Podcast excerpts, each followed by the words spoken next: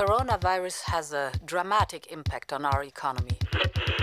As we know, there are known knowns. There are things we know we know. Uh, we also know there are known unknowns. Build back better, bla bla bla. Green economy, bla bla bla. In diesem Sinne kann ich sagen, ja, äh, wir sollten alle Feministen sein. This footage from Al Jazeera purporting to show Taliban fighters inside the presidential palace declaring the Islamic Emirate of Afghanistan. I have a peculiar medical condition, which is that I don't sweat. I think it's a filter. It, And the- it is, and I don't know how to remove it. Not, I'm not a cat.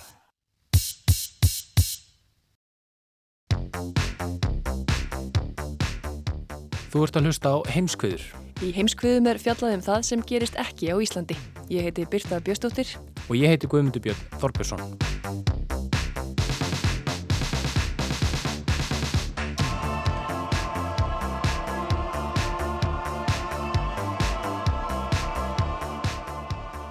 Rúmlega vikulangt stríðið í Úkrænu tekur eðlilega yfir flest allar fréttir þessa dagana.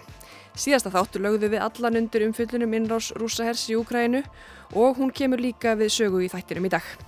En svo ætlum við líka að heyra af allt, allt öðru máli, nixlismáli innan dönsku leinithjónustunar. Bói Ágússon ætlar í síðar hluta þáttarins að segja okkur frá viðbröðum vinaþjóða Dana. Þeir uppkomst að danska leinithjónustan hafði veitt bandarísku leinithjónustunni aðgangað dönskum fjarskiptaköplum í þeim tilgangi að lera háttsetta ráðamenn. Einmitt, meira um það í setjum hluta þáttarins en við byrjum eðli málsins samkvæmt í Úkrænu. Á því stóra fréttamáli eru auðvitað ótal fletir og skoðanir auk þess sem atbyrðarásin er síbreytileg. Okkur langaði í þættinum í dag að velja tvo litla kabla í þessari stóru sögu. Kabla sem gefa vonandi smá insýnin í aðstæður einhverja úkrænumanna. Við ætlum að skoða nýtilkomna herskildu allra kartmanna undir 60 ára í landinu og svo stöðu staðgöngumæðra sem eru mjög margar í Úkrænu og einnig foreldra barnana sem þær ganga með. Byrjum á herskildunni. Frá innrás rúsneska herlisins í Úkrænu hafa ótal úkrænumenn reyðið sig upp með rótum og lagt á flóta. En leiðir margra fjölskyldna hafa skilið vegna þess að stríðið kallar á hermenn. Víða hafa ættingjar þurft að kveðja nákominn karlmann á herskildualdri. Samkvæmt herrlugum sem nú er í gildi í landinu eru karlmenn á aldrinum 18 til 60 ára skildaðir til að vera eftir í Úkrænu og verjast. Jóhannes Ólafsson tekur nú við.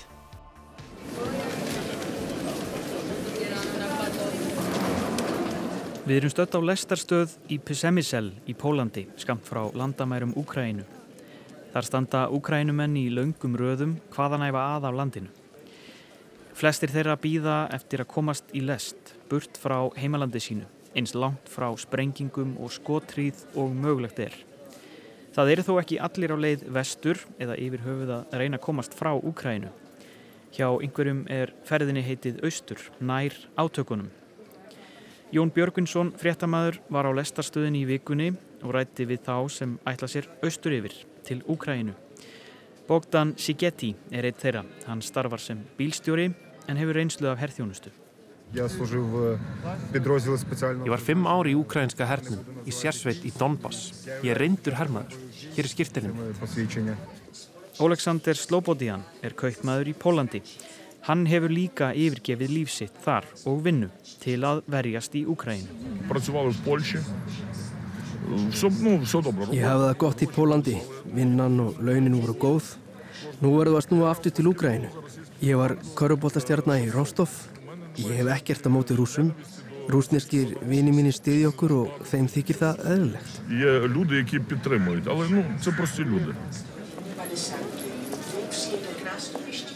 Frá innrás rúsneska herliðsins í Úkrænu hafa ótal úkrænumenn rifið sig upp með rótum og lagt á flótta. En leiðir margra fjölskyldna hafa skilið vegna þess að stríðið kallar á herminn. Það er gömulsaga og ný. Víða hafa ættingjar þurft að kveðja nákominn karlmann á herskildu aldri. Og það á engu smá aldur spili. Sankvæmt herrlögum sem nú eru í gildi í landinu eru karlmenn á aldrinum 18 til 60 ára skildaðir til að vera eftir í Úkrænu og verjast. Í landamarabænum Útsorot í Úkrænu hefur fjöldi manna skráð sig í herin. Þeir hafa afar misjafna reynslu af hernaði, sumir enga, en eru allir samála um að það sé þess virði að leggja lífsitt að veði til að verja landið. Og ástæðunar fyrir því að kasta öllu frá sér til að fara í stríð eru líka ótal margar. Samstaða úkrænsku þjóðarinnar, samkend og óbilandi trú á að geta lagt eitthvað á mörgum er samt samnefnari þessara ákvarðana að mati Brynju Huldar Óskarsdóttur, öryggis og varnamálafræðings.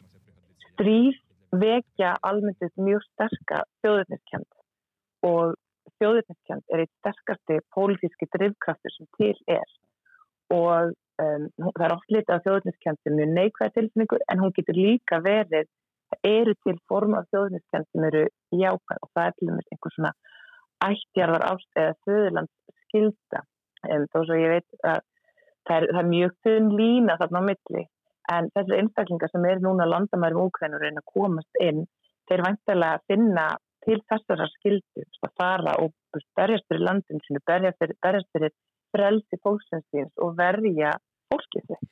Vadim Pritsæko, sendi herra Úkrænu í Breitlandi, segir að menn gerir sér grein fyrir áhættunni og viti að mannfall sé óumflíjanlegt. Menn séu aftur á móti tilbúinir til að leggja allt í sölunar.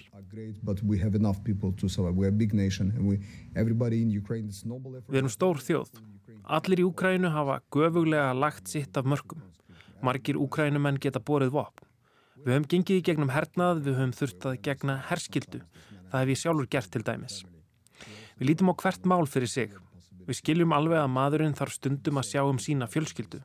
Við erum líka að reyna að skapa möguleika fyrir fjölskyldur að vera í örugu skjóli í að minnstakosti nokkra daga og nágrannaríkin er að rétta fram hjálparhund. Og minni ríki munu þurfa fjárhagstuðning stærri ríkja til að geta opnað inn til sín, hvar svo sem þau eru. En á sama tíma er þetta ögur stund fyrir okkur. Engin vildi berjast og við erum að reyna að forðast það. Ekki einu sinni hermenn vildu berjast, en við berjumst og við verðum að finna fjármang til þess. En hvað nákvæmlega er herskilda og hvernig virkar hún? Brynja Huld aftur. Herskilda er í svona einfaldasta máli þegar að ákveðin hópur þjóðar er fattur inn til þjónustu til síns land. Það er gert þegar að auðvitað komið til óstæðjara og uh, það er misand eftir löndum hversu mikil ógnin þarf að vera eða hversu langt einhver krísa þarf að vera komin af stað til þess að herskilda sér sett í gang. Örfá lönd í Evrópu hafa ennþá herskildu og lagaraminn utanum neyðalög og herrlög eru mismunandi eftir ríkjum.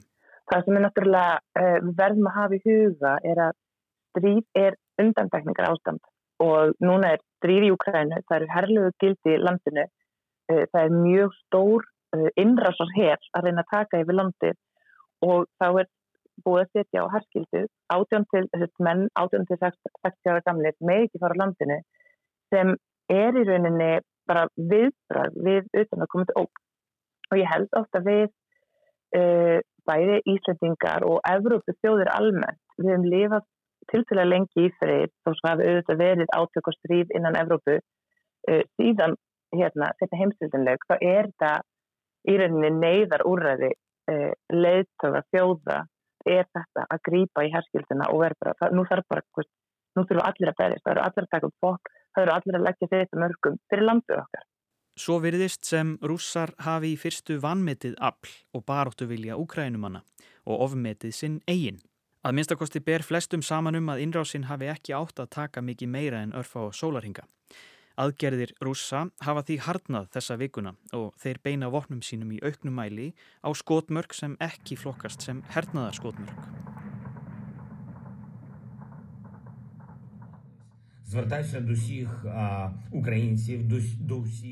Frá fyrsta degi innrásarinnar hefur Volodymyr Selenski, fórseti Úkrænu, verið ímynd hinnar hugrökku hetju í fjölmiðlum.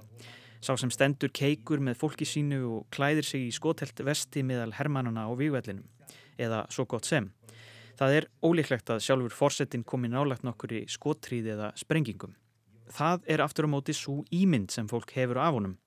Dagblæðið New York Times í bandaríkjunum byrti til að mynda aðsenda grein á miðugudag eftir Andri Jermak, skrifstofu stjóra fórsetans, sem í lausleiri þýðingu bar titilinn Ég skrifa úr neðanjarðarbyrgi við hlið Selenskís fórseta. Við munum berjast til síðasta andardráttar. Tilfinningin sem Selenski hefur frá upphafi innrásarinnar reynd að vekja með heimsbyðinni og sérilagi úkrænumunum er svo að hann er á meðal fólksins. Almennt í öryggis- og varnmálafræðanum þá er, hérna, er hægt að reikna út styrkleika hers og svona þumalpötareglan hefur verið svo að það þarf þrjá úr innrásaherr fyrir hvert einn uh, í svona heimaherð, við notum það hérna á léliðu þýðingu þegar um er að ræða vel æðan og skipilan varnarherr. En það er hins vegar tvent sem er rosalega mikil að taka inn í myndina. Og það er annars vegar eitthvað sem ég kalla oftast verðlegt bólmagn eða bara á ennsku resources. Það er að tala um magn, hérna, herrmanna gæði og fjölbreytilegi herrgagna þess að rústinski herin hefur hérna úr miklu meira móða heldur eins og ukrainski en svo er hins vegar þetta sem er, er andlegt bólmagn eða það sem að nefnist bara til vilji. Og það er þessi óbylandi og óreikjandi trú á málstanum sem ást að berjast fyrir.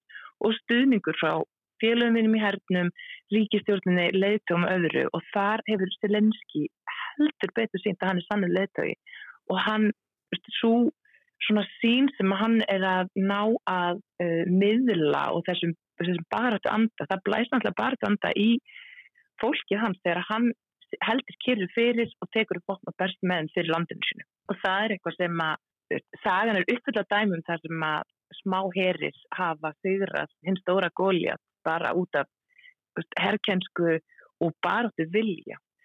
Ég horfi á þessu átök mjög, mjög raunstæja linsu og tölurna tala sínu máli en af vilja þjóðar uh, getur breytt mjög miklu.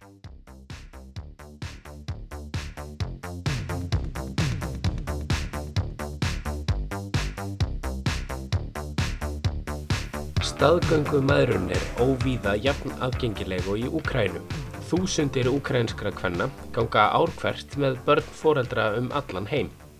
Ferlið er flókið og því fylgja ymsar siðferðisspurningar. Aðstæður staðgöngumæðra og foreldra barnana sem fær ganga með verða síst einfaldari þegar stríð brist út í landinu. Byrta tekur nú við.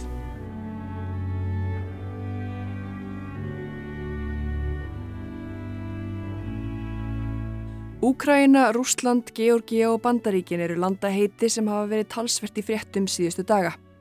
En löndin fjögur eiga fleira sameigilegt. Þetta eru þau lönd sem hafa hvað mest aðgengi að staðgöngumæðrun.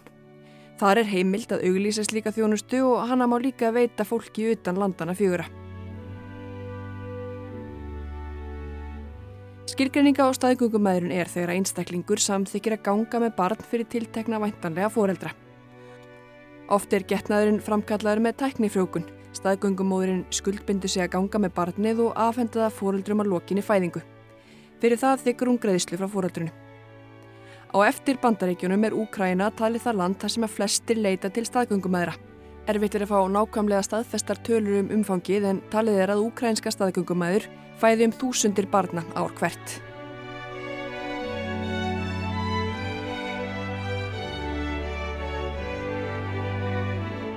Nordic Surrogacy er ein af þeim stofum sem pör geta leita til í leit sinna staðgöngumóður í Úkrænu. Reyndar ekki hvaða pör sem er. Engungu gagkinnegum pörum er heimilt að leita til staðgöngumóður í Úkrænu. Hjá Nordic Surrogacy er fylst með heilsu barsins og staðgöngumóðurinnar á meðan og meðgöngu stendur. Aðstóðin kostar um 7 miljónur íslenska króna og innifalnir öll umsýsla sem tengist því að skrá fóreldra fyrir barninu sem staðgöngumóðurin fæðir.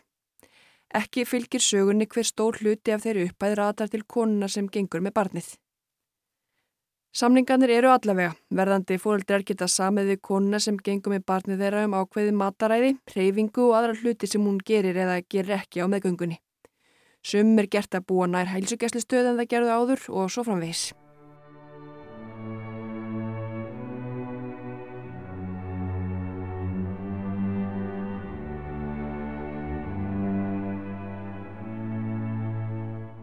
Mjög skipta skoðanir eru og verða sjálfsagt áfram um þetta fyrirkomulag. Þau sem veljið að fara þessa leið þrá fátt heitar en að eignast barn og komast að samkomulagi við konu sem að fúsum og frjálsum vilja gengst við þessum samningi. Öll græða ef svo má segja. Önnur segja aftur á móti að með þessari leið til fjölgunar mannkynns sé verið að nýta sér neyð hvenna sem sjáu leið út úr fátækt og öðrum aðstæðum með því að selja aðganga líkama sínum með þessu mætti. Og svo eru auðvitað allskinn skoðanir þar á milli. Hér er verið að sjálfsögðu engin dómur feldur yfir því hvað sé rétt og rátt í þessum efnum. Við ætlum að einblýna þá stað reynda þúsundir ukrainska kvenna ganga ár hvert með börn fyrir annað fólk.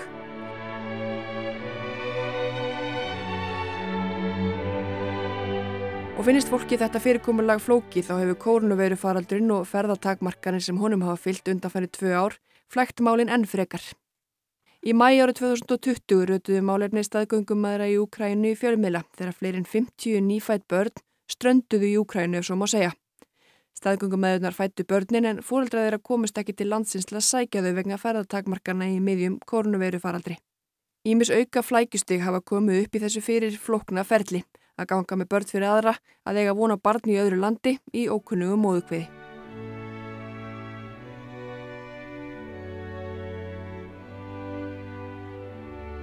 Læknastofur sem hafa milligöngum staðgöngumæðurinn í Úkræn eru sumar með útibú á norður Kýpur. Þar sem samkynna pjörum er ekki heimilt að leita til staðgöngumæðura í Úkrænu fara sumar þeirra yfir til Kýpur til að ganga með og fæða börn fyrir samkynja pör. Aðstæða læknastofana í Kýpur var sömu leiðis nótuð í kórnuveru faraldrinu. Fjölmarkar staðgöngumæður fóru þangað til að fæða börnin áður en að ferðatakmarkaðina er lokuð Úkrænu fyrir utan að komandi umferð. Og þá verður staðan síst einfaldari þegar stríð brestur á.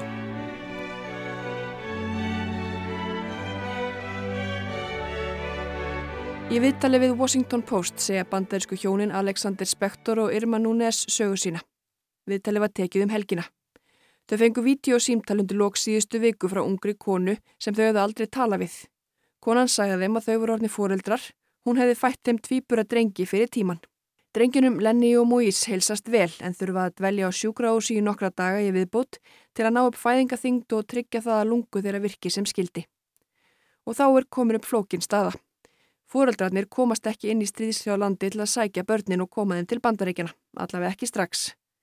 Læknastofan sem hafði milligöngu um staðgöngumæðrunina hefur áformum að koma börnum yfir til Póllands. En við erum ekki að tala um farangur heldur nýfæta fyrirbúra.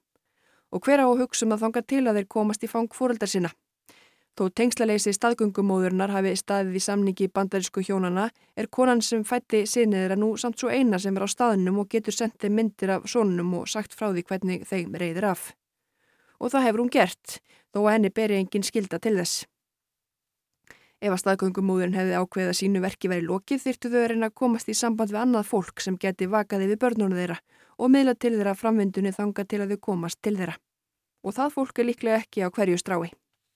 Í þeirra tilfelli vakir staðgöngumóðurinn yfir tvíburunum og fóreldrarnir er í bandaríkjunum að reyna að skipuleggja og fjármagna flóta barnana sinna, staðgöngumóðurinnar og sex ára sonar hennar út úr Úkræinu og yfir til Pólans, sem flest auðvitað vona gangi vel.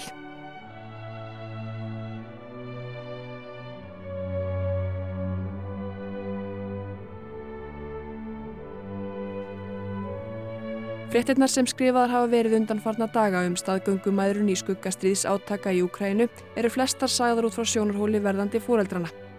Fólksinn sem er búið í mörg ára að leita allra leið til að eignast barn og svo þegar það er loksi auksinn eftir óhauðbundum leiðum er barnið þeirra og konan sem gengur með það mögulega í lífsættu vegna stríðsátaka. Og eins og með staðgöngumæðrunina sjálfa vakna allskinn siðferði spurningar. Hver er skilda konunar sem gengur með barnið þegar stríð brestur á? Rennur henni blóðu til skildunar að gera allt til að uppfylla sinn hluta samningsins við foreldrana og passa upp á barnið eða vegu líf hennar sjálfrar þingra. Dæmið eru um að staðgöngumæður hafi flúið Úkrænu og farið frá sínum eigin fjölskyldum til að tryggja öryggi ófætta barsinn sem hún gengur með fyrir aðra. Fóreldrar barnana hafa mörg farið í það að reyna að bjarga staðgöngumóðurinni og þar með barninu sínu út úr landinu með fjárhagstuðningi. Rættir staðgöngumæðurina heyrast síður óbemberlega.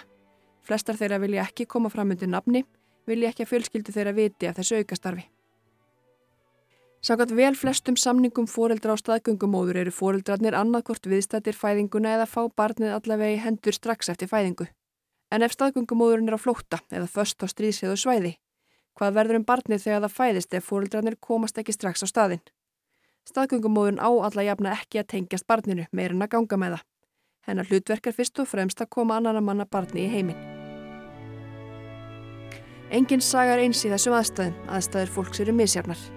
Staðrindin er hins við að súa meðan þeirra ótal mörgu sem innrás rúsa í Úkrænu hefur áhrif á eru hundruður ef ekki þúsundir úkrænska kvenna sem nú ganga með börn fyrir aðra og svo fóreldra þessara barna sem reyna að fá þau til sín eftir langa byggð.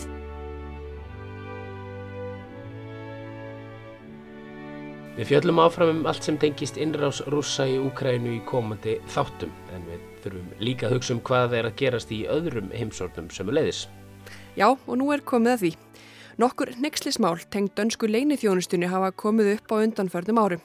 Bandalags og eða vinaþjóðir eruðu dönum gramar er uppkomst að þeir hefur leift bandarísku leinithjónustu fólki aðgangað dönskum fjarskiptaköplum í þeim tilgangi að hlera æðstur áðamenn.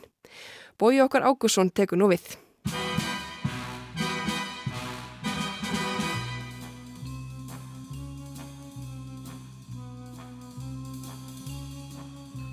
Danska stjórnin sætir harðri gaggrinni vegna njósnamála, ekki síst handtök og ákjæra Lars Finnsen sem var yfirmaður leinið þjónustu danska hersins, fósvarits eftirretningstjenesti. Meðal þeirra sem hafa gaggrind stjórnina eru Anders Fogh Rasmussen, fyrirverandi fósættisráþurra og Uffe Ellemann Jensen, fyrirverandi utanrikiðsráþurra. Þá hafa margir hátsettir ennbættismenn einnig gaggrind málsmeðferðina og það verður að teljast í hestamáta óvinnulegt. En þetta er ekki fyrsta hneikslismálið sem tengist dönsku linni þjónustunni. Gísli Tryggvason lögmaður fylgist vel með dönskum stjórnmálum og þjóðlífi. Nei, það eru aldrei mörg hneikslinn og vandamálinn sem að þessar tvær dönsku linni þjónustofnanir hafa lent í. Í mist hafa fórustumenn eh, tala af sér eða ég vil skrifa bækur um málumnið þeirra sem að eiga að fara lent. Der er noget galt i Danmark, maler helt af helvede til. Eitt alvarlegasta málið tengt leinið þjónustu Dana er að hún aðstóðaði bandarækjaman við njósnir um háttsetta stjórnmála og ennbættismenn í Þískalandi, Svíþjóð, Fraklandi og Noregi. Damarsradio skilði frá þessu fyrir tæpum tveimur árum. Frettamenni í Svíþjóð, Noregi, Þískalandi og Fraklandi auk frettamanna Danska ríkisútfarsins unnu saman að því að upplýsa málið. Í ljós koma bandarækjaman höfðu notað danska fjarskiptakapla til að hlera símtöl og fylgjast með rafrænum samskiptum svo sem smáskilabóðum og samskiptum á spjallarásun samfélagsmiðla. Meðal þeirra sem njósna var um voru Angela Merkel, þáverandi kanslari Þískalands, Frank-Walter Steinmeier, þáverandi utanrikiðsráþur Þískalands og núverandi fórsetti og ráðamenn og stopnarnir í Fraklandi, Noregi, Svíþjóð og fleiri ríkjum.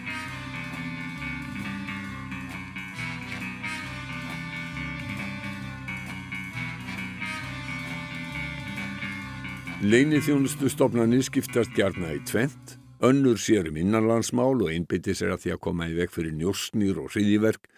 Hinn stopnunin er þá í því hlutverki að afla upplýsinga.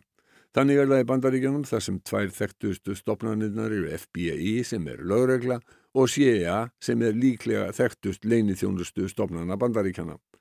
En þær eru raunar fleiri í bandaríkjónum, nefnum á NSA, National Security Agency, sem er svo stopnun sem kemur við sögu í danska njósnarneikslinu. NSA sér meðal annars um hleranir. Í Breitlandi eru MI5 og MI6 þekktustu stopnarnirnar, Military Intelligence 5 og 6. Númer 5 er innanlandsstopnun, númer 6 er njósnarstopnun. James Bond, þekktast í njósnarinn í skálsugum og kvikmyndum, átti einmitt að vera í þjónustu MI6. Í Danmörku er þetta tvíegi PET og FE, Politíets eftirretningstjenisti og Forsvarets eftirretningstjenisti, sem sé leinin þjónustu lauruglunar og hersins. En hvaða önnur nexlismál hafa komið upp í Danmörku, Gísli Tryggvason? Já, sem sagt aðalmálið núna tengist þessu, þessum svona half leinilega samningi dana við pandarækjumennum að leifa þeim að hlusta á gagnaflutninga umferð um eistrasaltið eða um Danmörku. En annars er þetta mál sem tengjast svolítið þessum stríðum sem að Danir hafa hvað sé að teki þátti á vegum vesturlanda eh, við Ísis annars vegar og hins vegar Írak. eh, þar hafa komið upp mál sem að það sem henn hafa talað full fjálglega. Uh, og svo náttúrulega þessi bók sem ég nefndi það er, það er búið að skrifa heila bók um uh, leini þjónustu starfsemi lauruglunar innanlands sem að ennú kannski ekki eila það sem að menn ætlas til þetta sé allt upp á borðum. Málas Finnsens sem er til umræðu í Danmörku þessa dagana er greinilega litið mjög alvarlegum augum. E, Já einhver hefur ákveð að, að sé að sá fórustum aður vardarmála leini þjónustunar sem að er í leifi, hann skuli hafa réttastuðu sakasmanns núna í nokkra mánuði og með þess að setja í gæsluvaraldi í 2,5 mánuði og svo og uh, þar þarf dómsmálraðara lögum samkvæmt að koma að allavega ef hann er ákjörður. Mm. Það er eins og hér að ef að, ef að landráðakabli hegningalagana er undir að þá þarf dómsmálraðara að heimila saksókn. Det, det, det virker efterhånden virkelig problematisk, øh, for ikke at sige skræmmende, øh, at, øh, at der er så meget hemmelighed omkring, hvad de her sigtelser går ud på. Har du mistet tillid, og til hvem i givet fald? Altså, jeg har ikke mistet tillid til efterretningstjenesterne. Jeg tror, problemet ligger et andet sted. Og hvor er det? Det ligger jo hos regeringen, hos anklagemyndigheden. Þetta var Lísbeth Knudsen í viðtali í fréttaskýningaþættinum Deadline í Danska Ríkisjónvarpinu.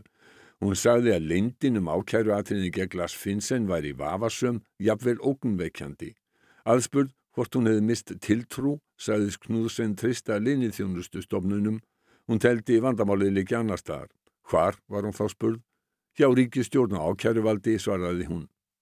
Lísbeth Knudsen er eitt þekktasti blaðamaður Danmerkur og virtur álitskjafi Hún var meðal annars fréttastjóri Damarsrati og aðal rítstjóri Berlínske. Það er hlusta þegar hún talar.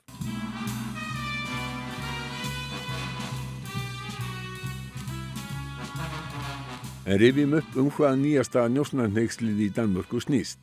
24. ágúst 2020 kom skísla eftirlýsnemdar með leinið þjónustum Danmerkur þar sem yfirmenn leinið þjónustu stofnana voru harlega gaggrindir. Í skýslunni sagði meðal annars að leini þjónusta hersins hefði leint nöðsynlegum og mikilvægum upplýsingum og veitt yfirvöldum rángar upplýsingar er hún var spurð út í eftirlýsaðgerði sínar á árunum 2014 til 20.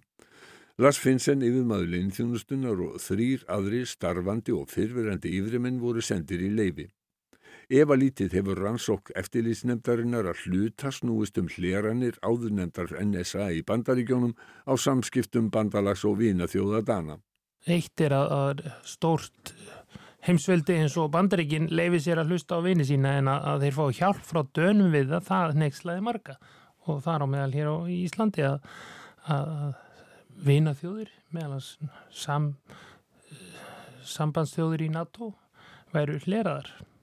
Der er noget skævt i toppen, noget der trænger til at skiftes ud. Eftir að skýslan kom út í ágúst 2020 voru rannsakendur rannsakaðir og önnur rannsóknar nefnd komst að þeirri nýðustöðu, 15 mánuðum eftir að Finnsen og félaga voru sendir í leifi, að gaggríninn á þá og ennbættisfæslu þeirra hefði ekki átt rétt á sér.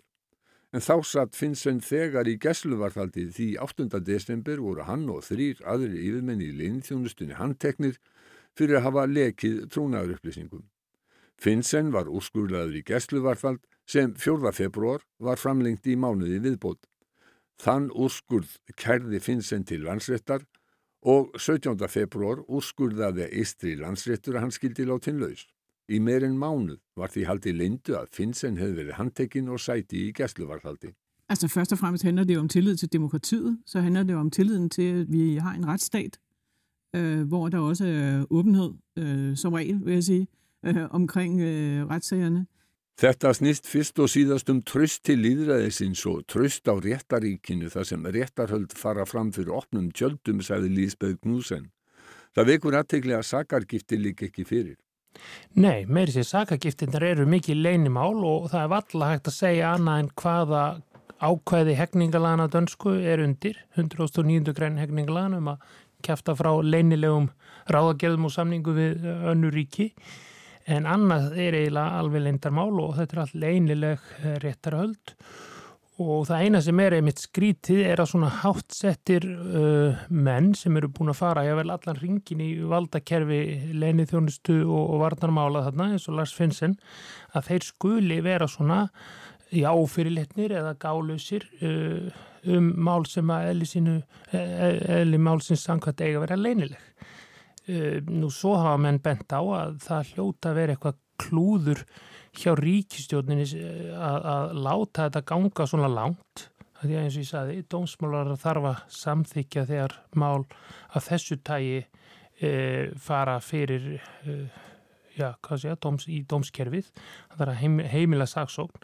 Þannig að þetta er pólitíst mál. Ríkistjónin ber meiri ábyrð á þessu heldur en öðrum sakamálum og að láta svona mál sem að í eðli sínu eru leynileg fara svona langt, það er algjörð klúður. En það leiði meirinn mánuður frá því að Finn sem var handtekinn áður en að það var upplýst að hann sæti í gæsluvarðaldi. Já, það vissi enginn af því í heilan mánuð þá til í byrjun í janúar held ég að hann væri í gæsluvarðaldi og um svipaleitu og hann og, og fleiri voru settir í, í hérna gæsluvarðald þá uh, þá hafði ég mitt eftirlistemt með þessu leinithjónustum uh, hvað að segja, reynsa þá af grun um eitthvað misjamt. Þannig að það er eitthvað rosalegt misræmi í kerfinu. Annars vegar eru menn að segja að það var ekkit að uh, ferlum þarna eða, eða málum og hins vegar eru menn settir í gæsluverhald mánuðu saman. Laslún Madsen, professor í refsirétti við háskólan í Árósum, telur að landsréttadómurinn um að ekki sé ástæði til þess að halda finnsen í gæsluvarðaldi síni að ákjærivaldið hafi skotið langt yfir markið notað fallbissur til þess að skjóta gráspörfa. I og med at landsretten har sagt at fængslingsgrunden ikke er til stede, så sender det som sagt også signal om at, at sagen er nok ikke mere alvorlig end som så. Og det vil sige, noget tyder på, at vi måske, øh, at der måske har været tale om, at anklagemyndigheden har haft skudt øh, gråsbord med kanoner. Líkt og Laslúnasen sínist Gísla Tryggvasinni málið tæpast hafa réttlætt aðgerðir á kæruvaldsins og hann gaggrínir leindarhyggjuna. Mér finnst ekki útiloka að hann verði ákjörður en, en kannski veri líklega og jável skynsalega út frá hagsmunum danska ríksins að afgreða málið í, í einhvers konar kyrþeg með um, skilurspundinni ákjörufrestun eitthvað slíkt eins og hægt er að gera líka hérlendis þegar annarkort minniháttamál er um að ræða eða eitthvað sem að verður að fara. Að því að þetta stanga svo á við nútíma réttarfar um gegnsægi og allt upp á borðum að vera að ræða uh, fyrir lokuðum mm, dyrum um hvað sé að ákjæru atriðin. Þannig að ég minnst ekkit ólíklit að þessu líkti formlega með einhvers konar um, sektargerði eða ákjæru frestun í meiri kyrþei heldur en væri ef þetta er því fyrir með, með ákjæru og dómi. Lars Finnsen er ákjærðu sangkvæmt kapla í hegningarlögum sem fjallar um landráð. Íslenskum lögum svipar margt til danskra laga en ekki skríti þegar að hugsaði til meir en 500 ára sameiginlegar sögu. Eru sambarilega ákvæði í íslenskum lögum? Já, þetta er ákvæði sem er í landráðakabla hegningalana og, og hjá okkur er sambærilega grein, ekki nákvæmlega eins, en sambærilega í 1901. grein hegningalana og hljóða svo hver sem kunn gerir, skýrir frá eða lætur og annan hátt uppi við óviðkomandi menn leynilega samningar ágerðir eða álíktanir ríksins um málumins með hill þess að réttindi gafkvært öðnu ríkjum eru undirkomin eða hafa mikilega fjárhástíðingu og svo framvegs, eh, hann skal sæta þess að fangins alltaf 16 árum hjá okkur 12 ára refsirami hjá dönunum en þetta er sambærilegt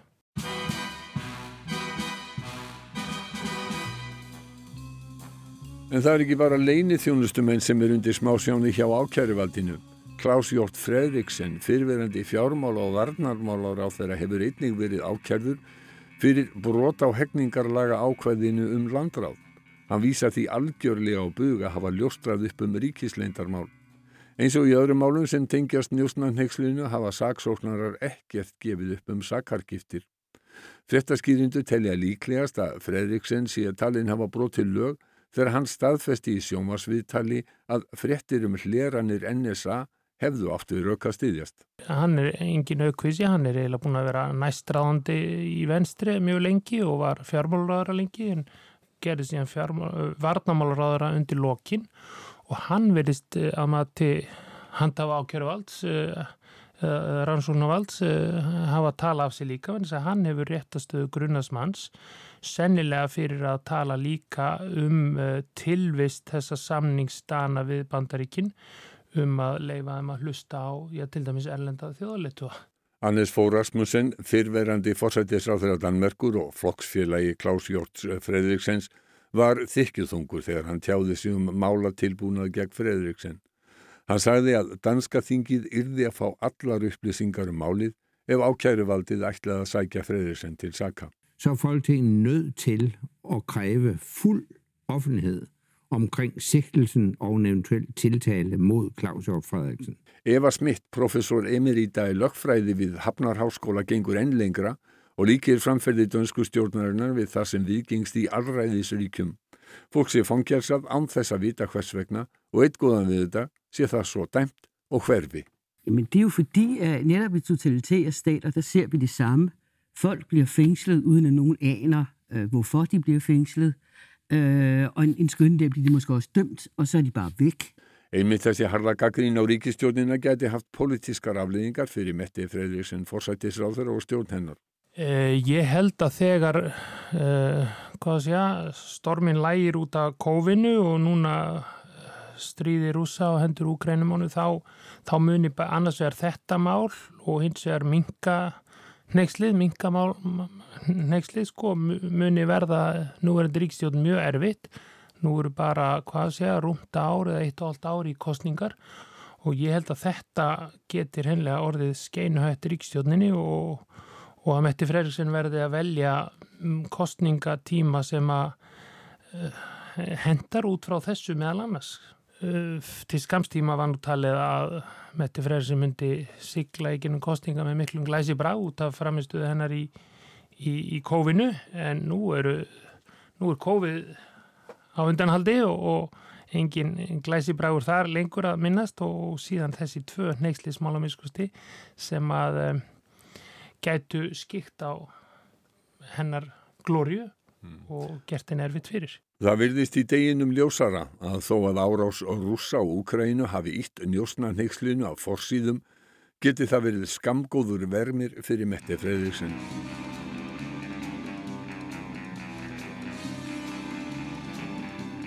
Þessi umfjöllun boga Ágússonar um danskan njóstnaskandal verða loka orðin í heimskviðum þessa vikuna. Við erum hér aftur á sama tíma í næstu viku. Já, og þá fyrir lofti hvorki meirinni minna en hundraðasti þátturinn á heimskviðum. Takk fyrir að hlusta. Thank you.